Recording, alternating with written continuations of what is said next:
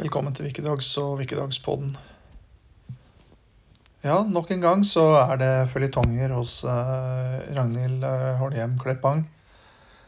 Og uh, det er nesten vanskelig å vite hvor man skal begynne, pga. benektelsene er jo så store og så fundamentale. La oss begynne med det din kjæreste og, og trolig samboer holder på med nå. Det å dele ut psykiatriske diagnoser eller andre slags medisinske diagnoser, det er forbeholdt leger. Og jeg vet ikke hvilket kveldskurs eh, Ulf har i medisinsk faglig kunnskap. Men eh, å fremstå som doktor Google, drive og stille medisinske diagnoser på folk og legge ut fordi han har lest noe på internett, det, det fremstår jo bare så uklokt som det er mulig. Dette er ikke noen tjent med, og aller mest ikke du, Ragnhild Kleppang. Det å benekte det som har vært på Hågakollen, det, det fremstår som veldig, veldig uklokt. Akkurat som Vestfold Fuglundklubb måtte stå til ansvar etter press fra spesielt Wikidogs og undertegnede over tid, sånn blir det jo også for deg selv nå når du velger å gå offentlig ut og benekte det som alle vet. Alle de som har vært med der borte, har sett dette her. Min erfaring er jo at jeg traff på dere i forbindelse med et valpekjøp i 2015. Og året etterpå, sånn, når det var gått nesten et år, så begynte jeg å bli litt bedre kjent med dere. egentlig sånn på Første tida var jo egentlig veldig grei og var jo med på masse moro. og var ikke snakk om noe ulovligheter eller noe, noe sånt.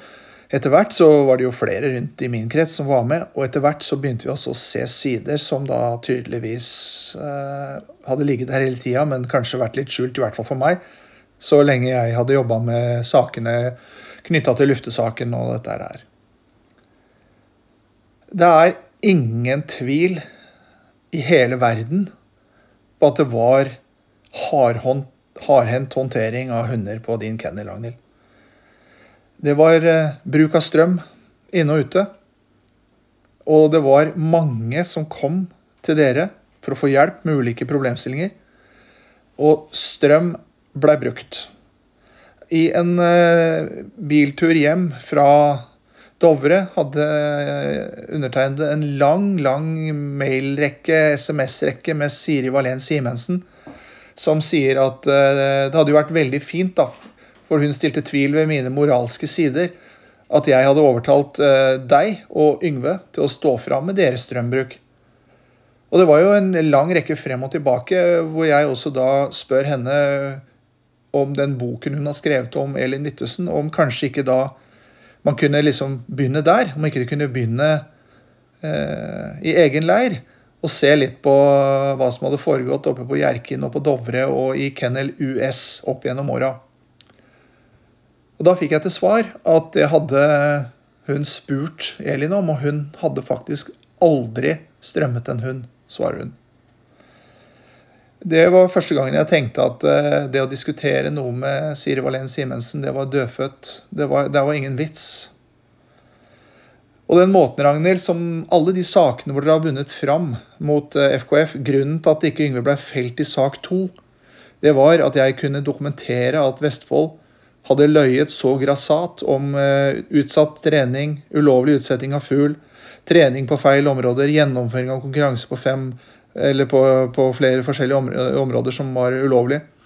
At de hadde trent voljærer. Og jeg kunne også bevise etter hvert at eh, de hadde lagt fram mange feil. Det var derfor Yngve vant fram i den sak to som Vestfold Fuglehundklubb eh, starta. Og det å si at eh, man ikke gjorde det, eller prøve å late som om det ikke skjedde altså, Nå må ikke glemme hvem som sitter med alle saksdokumentene i den saken der. Og du må ikke glemme hvem som fremforhandla sakene til Yngve. Men det gjaldt luftesaken. Og Personlig så var jeg skrekkelig imot at man skulle begynne å blande inn en masse forhold som jeg da etter hvert i løpet av den tida jeg da hadde hatt fuglehund, så og skjønte både blant eh, det som var tidligere venner her i Porsgrunn og i Telemark fuglehundklubb, og så hva de holdt på med. Så hva de gjorde i husene sine hjemme.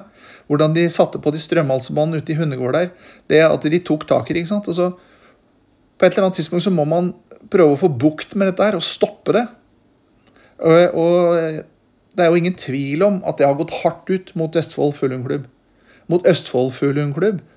mot eh, alle miljøer i Norge som har gjort noe ulovlig. Og hvorfor i alle verdens dager skulle jeg lukke øynene og la Yngvor Kleppang og deg holde på med noe som de andre ikke fikk lov? Hvorfor reiser du over 2020 og henter fugl ulovlig? Tidligere hadde du henta fugl i Danmark sammen med Arne Abel Lunde. Så hvorfor i alle dager skulle det få lov til å fortsette? Og grunnen til at jeg blei såpass lenge ved Yngves side, var jo for å prøve å få ting annerledes. Min kongsvisjon har jo vært at Yngve skulle stå fram og fortelle om det han hadde gjort. Jeg ønsket å ta Siri Valen Simensen på, på ordet og få til en strømkommisjon. Ikke fordi at Yngve skulle slippe straff, ikke for at noen andre skulle slippe straff. Dette har vært helt vanlig rundt i hele Fugle-Norge, og de som nekter på det, de, altså det er ikke noe vits i å bruke tid på de. Men det som hadde vært interessant, det hadde vært å fått en strømkommisjon sånn at vi kunne nullstilt alt. Sammen med norske myndigheter. Og de som fortsatte å strømme da, beviselig tatt, de skulle bli utstengt på livstid. Det var min visjon. Da hadde vi klart å få bukt med det. Vi hadde klart å få slutt på det.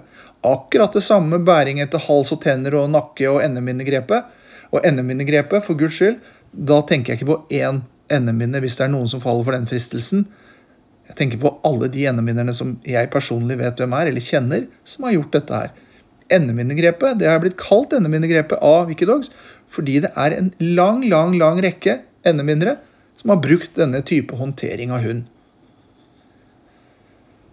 Nå har det blitt en sånn eh, frem og tilbake og, eh, og, skal sverte og ikke sverte. Og så i det ene øyeblikket så skal jeg ikke få lov til å si noe negativt om uh, Yngve Kleppang, og i neste øyeblikk så er det gærent at jeg har sagt noe positivt.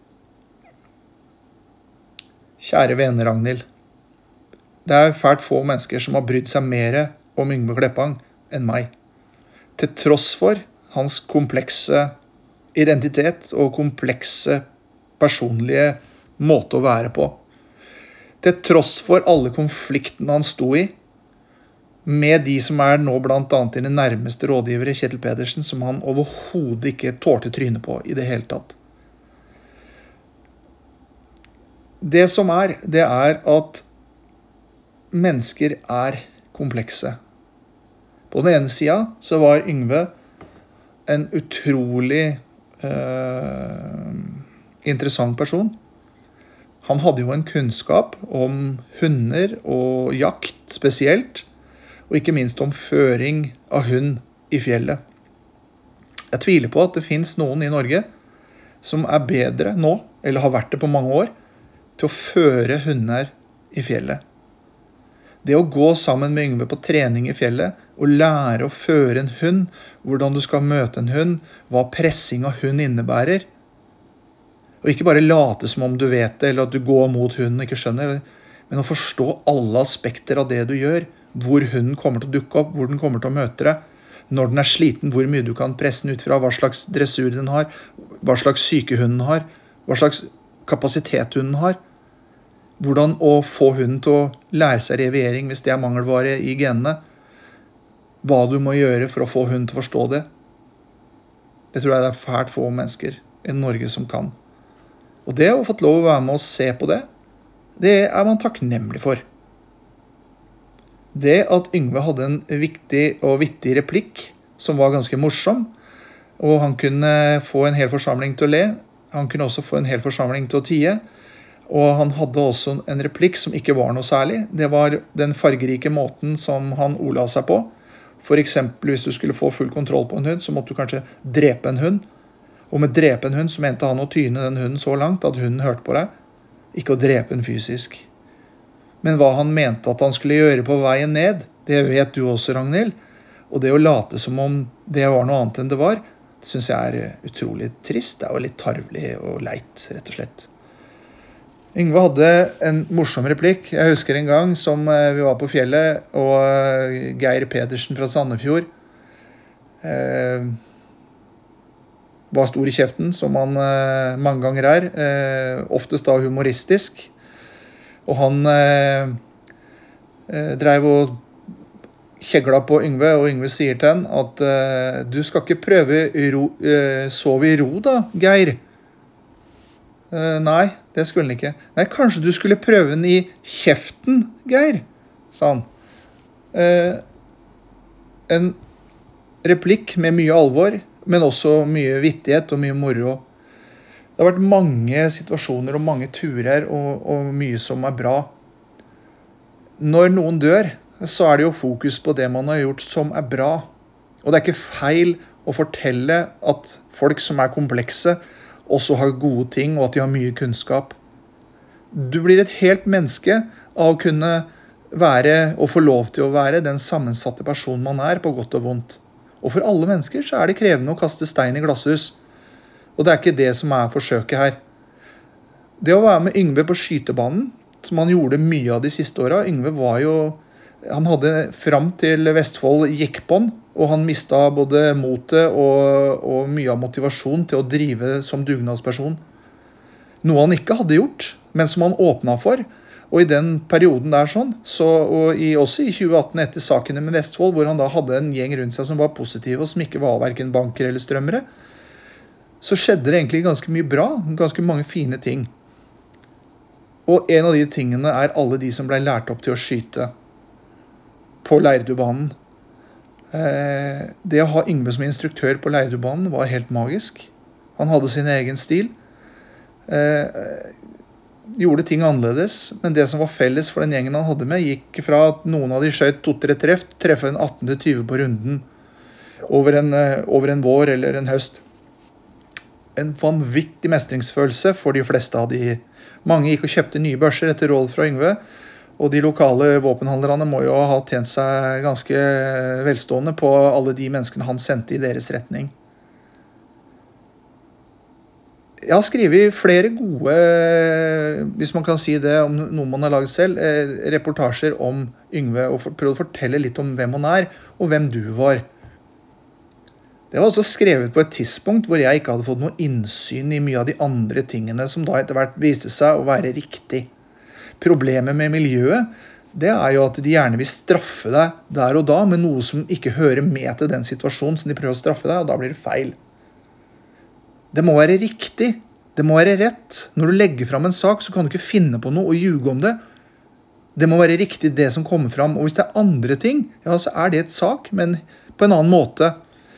Når jeg forsvarte Yngve luftsaken, så er det jo fordi at Kjetil Pedersen aldri gikk inn i luftegården. Og de andre luringene de sprang rundt der som hodeløse høns og, og, begynte å påstå de ulike ting og forskjellige ting. Og det der var jo et oppløp fordi de var forbanna på at de fikk en konkurrent. Og de fikk ikke en konkurrent fordi at eh, det var noen som bare hadde lyst til å starte et supplement. Det var rett og slett fordi man hadde lyst til å ha et alternativ til den ulovlige virksomheten som var i Vestfold. Og det nektet man jo på. Da, Jan Dalen nektet jo også på det. Og sa det at han anbefalte jo at Jeger og Fisk ikke starta opp noe mer rundt her. fordi at man hadde jo disse fantastiske anlegget i Vestfold. Men dette fantastiske anlegget i Vestfold de hadde jo ikke noen ting i orden. De trente ulovlig, solgte ulovlig, kjøpte ulovlig, satte ut ulovlig, trente voliæretrening ulovlig. Og det har jo ikke vært sertifisering der, det har ikke vært holdtillatelser. Og etter hvert som regelverket har blitt forandra, har man ikke fulgt opp det heller. Så har man søkt og brukt advokater og brukt FKF og trua og trua og trua, og trua, og vi ser åssen det har gått.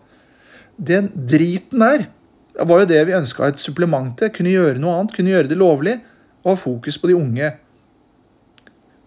Det som var i hvert fall min visjon Ragnhild, hele veien, det var at Yngve skulle være det som jeg har sagt at andre i fuglehundmiljøet som har blitt tatt med buksene nede de senere åra, burde, burde gjøre. Den personen som har en dårlig fortid, men som har mye kunnskap, den personen som fremstår raus, beskytter varslere og sier at 'vet dere hva, alle sammen', jeg har jo lært opp dere i alt dette her. Jeg lærte da den og den, men nå skal vi gjøre det annerledes, dere alle sammen. Vi skal ikke lære dette videre til barna våre eller til ungdommene våre. Jenter og gutter. De skal lære noe helt nytt og annerledes. Fuglehunder trenger ikke råbank, de trenger ikke juling, de trenger ikke strøm. Det vi trenger, gutter, det er at vi har litt færre hunder, og at vi legger litt mer arbeid i hver hund. Det er det vi må gjøre. Så må vi slutte med lettvinte løsninger. Det burde dere gjort. Og det burde Yngve også gjort. Yngve burde vært en del av den strømkommisjonen som eh, i hvert fall det undertegnede har prøvd å få i gang. Men jeg opplevde det dit hen, Ragnhild, for å være helt ærlig, at du ikke ville det. Det var mye mer behagelig å bare nekte på det. Og bare si at nei, vi strømmer ikke noe her på Hågakhollen. Vi har aldri strømma her på Hågakhollen. Det kom folk til dere som eh, var til trening og hadde hundene til trening. Og når de kom for å hente hundene, så, så fikk de med seg et strømhalsebånd hjem som var helt nytt, sånn at de kunne bruke det hjemme. Når du prøver å fortelle at ikke det var brukt strøm på Hågakollen, eller at det er de villeste påstander, så Tenk til alle de menneskene, Ragnhild, som jeg kjenner. Som jeg har snakka med i timevis om alt dette her. Og som har fortalt alt det de har vært med på. Det er svært mange. Det er svært, svært mange. Og etter hvert som eh, tida har gått, så har det jo ikke blitt færre. for å si Det sånn. Det er mange som kommer fram anonymt og forteller hva de har vært med på. Hvordan hundene var når de kom tilbake, og at de aldri blei seg selv igjen. Og, så videre, og, så og det skjedde ikke bare hos dere. Jeg har mange eksempler på det rundt forbi. Og det her er egentlig ikke noe oppgjør med Kennel Håkollen, det er et oppgjør med strøm. Men det er like mye et oppgjør med at de som har holdt på med ulovligheter, som du, driver og benekter det, beskylder de som kommer med det, for å ljuge at det er de villeste påstander, insinuasjoner og rykter, akkurat som eh, Åse Irene Furuheim skrev til undertegnede i starten på Vestfold-sakene. De satt og løy til meg, de satt og løy til mediene, til NRK. Og til slutt så måtte de jo erkjenne det, da. Fordi det var jo så mange etter hvert som begynte å ringe inn og fortelle sine historier til NRK den gangen. At de, de hadde ikke noe valg. De måtte tilstå. Det hadde jo vært masse masse, masse mennesker mellom. Det har vært masse masse mennesker borte hos dere og hatt hundene til akkurat det som eh, beskriver her. Ikke bare hos dere, men veldig mange andre steder. Så eh, i eh, Da Trixie har det siste kullet, så, så skriver jeg åpent ut at eh, nå er det ikke min hund, men i den grad jeg kan være med å påvirke noe i dette hjemmet her, så skal ingen som bruker strøm, få lov til å få en valp her. Fordi på det første kullet så blei det plassert en hund hvor vi trodde at ting var under litt andre forutsetninger, og det viser seg da at hunden blir satt bort til en person som i ettertid skjønner at det er bad news.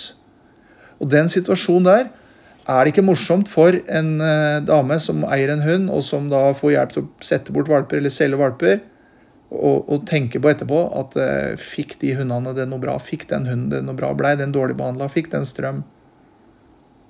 Det er sånn som faktisk plager noen mennesker et helt liv, mens andre gir helt faen i det fordi det er dagligdags. Så på kull to på Trixie så var kona helt klar på at ingen hunder skulle noen plass hvor det her kunne bli et tema. Og Derfor så må vi jo si det som sant var, at det var ikke aktuelt å sette noen hund på Hågkollen. Verken med tanke på dressurmetoder eller, eller eh, pga. strøm. Og når hunder fra denne husstanden eh, blei sendt eh, i trening, for det det var en hund fra denne husstanden som ble sendt til trening for en del år siden. Da ble den ikke sendt til trening til dere. Og det mente jo dere da var penger som egentlig var deres penger. Men hunden var ikke hos dere rett og slett fordi at man ikke ønska de metodene i bruk på noe som var hunder som bodde her i huset. Så enkelt var det. Så er det denne episoden hvor eh, det strømmes en eh, hund i en bil et sted hvor du overhodet ikke var, men hvor jeg var til stede, og ser førstehåndskunnskap at eh, det under en middag i berusa tilstand tas en fjernkontroll fra skjorta og strømmer en hund som ligger bak i en bil ute på tunet. Og det å kalle det for løgn, det, det tror jeg du skal være litt forsiktig med. Fordi det der kan fort ramme deg baklengs. Ragnhild, hvis du mener at det som fremkommer her, med strømming av hunder på Hågakollen er feil, så anbefaler jeg deg på det aller varmeste og aller sterkeste å gå og politianmelde det. Sånn at vi kan møtes på politikammeret i Larvik og diskutere dette her. Jeg møter gjerne opp for å diskutere det. Jeg tar gjerne statusen som mistenkt for å ha sagt noe som ikke stemmer, sånn i forhold til hva du sier. Sånn at vi kan få dette belyst med noen vitner som kan fortelle om hvordan dette her var det er, ikke, det er, ikke, jeg som trekker dette fram, det er du som trekker det fram. Jeg ønsker å trekke alle fram. Jeg. Det er også en av grunnene til at jeg prøvde å, å rådføre Yngve til at uh, han skulle stå fram og fortelle om hva han hadde gjort. Fordi hvis han fikk med seg de andre, så kunne vi kanskje få en endelig slutt på det.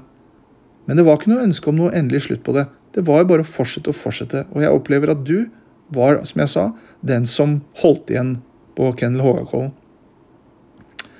Du trekker fram veldig mange personlige ting og prøver å insinuere en hel del fæle ting eh, om meg, og at jeg var uvenn med mannen din et år. I august så sender jo du meldinger til meg om alt det fæle Kjetil Pedersen legger ut om Yngve på nettet.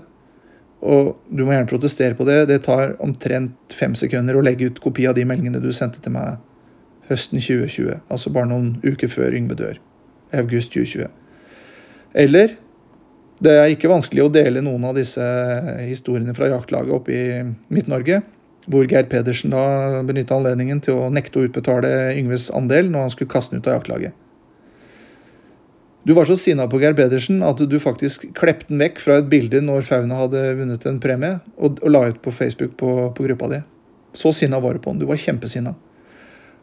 Og se nå liksom at dere er de varmeste støttespillere fordi at dere liksom har til hensikt å prøve å stoppe Wikidogs eller stoppe meg.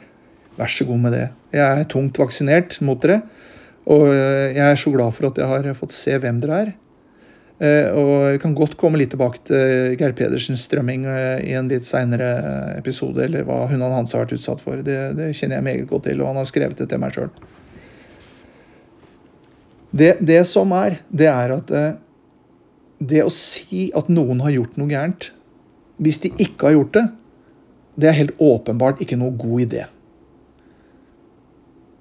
Men det å begynne å benekte at det blir fremsatt disse tingene som er gjort, og kalle det for de villeste påstander og de villeste greier, og gå til det skrittet å politianmelde det og prøve liksom å få noen bøtelagt for noe som du innerst inne veit er sant, og som du har ansvaret for, og at du bruker da rettsvesen og politi og alle sånne ting og etater for å prøve liksom å ta den andre, enda du veit at du har gjort det.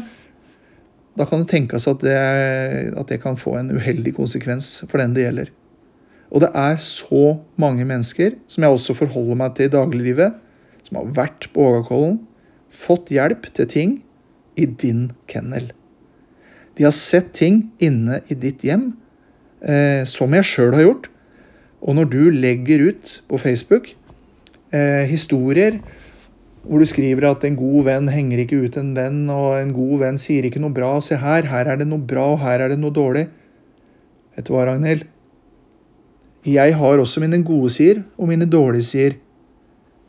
Men jeg har i hvert fall mot nok til å tørre å si det. Jeg har hatt mot nok til å forsvare dere på et tidspunkt hvor ingen andre torde å forsvare dere. Det var ingen av de som står rundt deg nå, som eh, forsvarte dere de bare, de bare løy, de. Og Kjetil Pedersen han løy og løy og løy og løy og løy og prøvde å få dere dømt. Da fikk dere også dømt, fikk dere utstengt. Mista et NM med en supergod hund, rett og slett fordi at han løy. Og nå, når det er andre veien, så, så, så er alle disse løgnene glemt. Det som Kjetil Pedersen har skrevet om at eh, hadde han fortalt til politiet hva han hadde sett Yngve gjøre, så hadde Yngve kommet i fengsel. Sånne ting har han drevet og sendt rundt til folk. Jeg har jo kopi av det sjøl. Og da tenker jeg liksom sånn, Er det en som vil Hågakollen noe godt, egentlig? Tenker du det? Tenker du at det er en som vil ditt beste? Eller tenker du at han bruker deg som en plattform for å ta meg? Tygg litt på det. Når det deles ting som du ikke har skrevet, eller som du får tilsendt, som du legger ut, tenker du da at det er for å hjelpe deg? Eller tenker du at de bruker denne basen din med, med folk på, på Hågakollen for å spre noe mot meg og ta meg? Tenker du at de tenker på deg i det hele tatt? I de sakene som jeg tar på, på Wikidogs, så sier jeg alltid til de det gjelder, at det, eh, noen ganger så er det sånn at de sakene de kommer med, er fantastisk for Wikidogs, men at det kommer til å ha en stor nedside for dem hvis, hvis de eh, blir angrepet tilbake som straff. Fordi at folk i fuglehundmiljøet bryr seg egentlig ikke om hva som er sant. De bryr seg mest om hvordan de kan få straffa de som bringer det til torgs, eller ødelagt en aktivitet som de liker å holde på med, selv om den aktiviteten er ulovlig. I en tid da, hvor dere sto sylta til halsen i, i, problemer og konflikter på alle kanter Det var ingen som forsvarte dere. Ingen, absolutt ingen. Det var kun jeg som hjalp dere med å skrive brev og holde stand mot eh, klubben Vestfold, mot advokatene til Vestfold, mot eh, appellutvalger og domsutvalger og, og NKK og, og Skriv kom, og det bare verre og verre blei det krav om utestengelser i to år. Og da han, når han fikk saken om utestengelse i ett år, på toppen av saken i Lørdalen, da hadde han vært utestengt to ganger. Så forsterka Vestfold saken ved å sende inn i et brev fra Åse Irene Furheim. Uansett hvor mye hun nekta på det, jeg har jo kopi av de brevene. Og de seks punktene som NKK skisserer opp der sånn da, med tanke på at han allerede nå har to utestengelser, det var type livstids utestengelse, at det skulle fratas alle premier osv. Og når du skriver liksom at det kunne gått alle veier, da lurer jeg på hvor naiv er det mulig å bli på en skala fra 1 til 1 million? Altså, Hadde han blitt utestengt der, så hadde det blitt på livstid. Da hadde det ikke vært noe Hågakollen.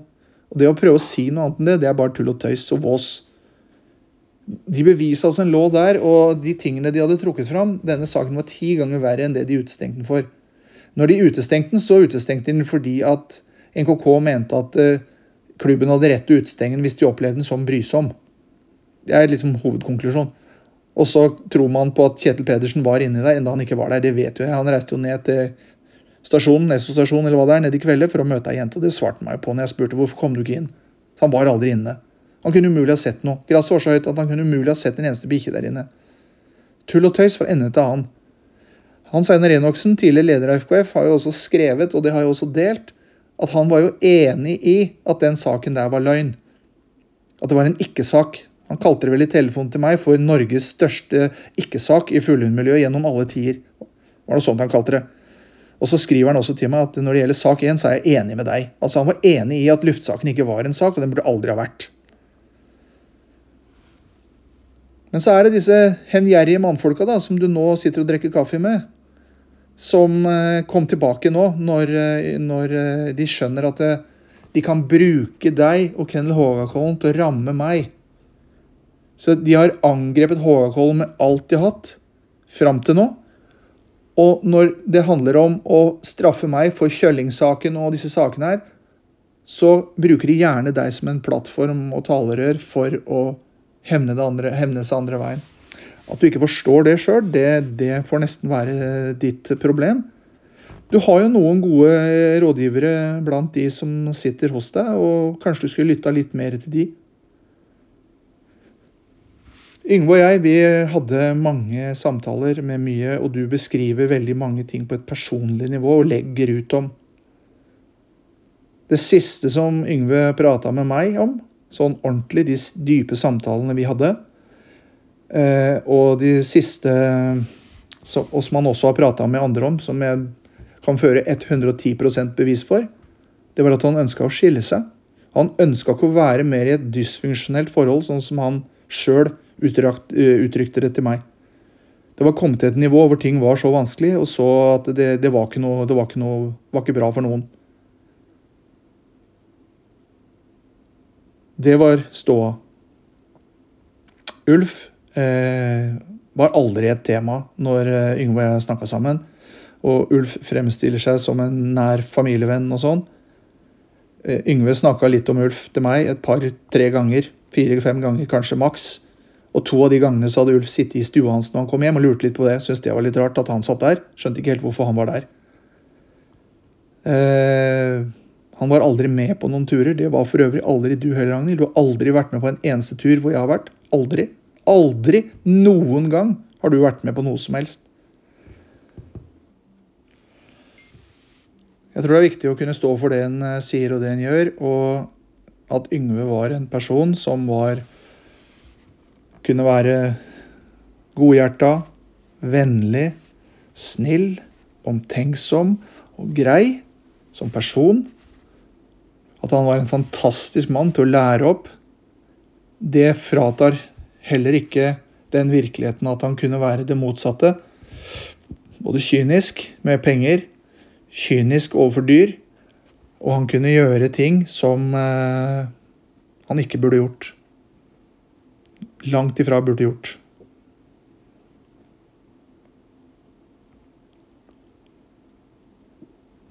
Da stopper vi der. Takk for i dag.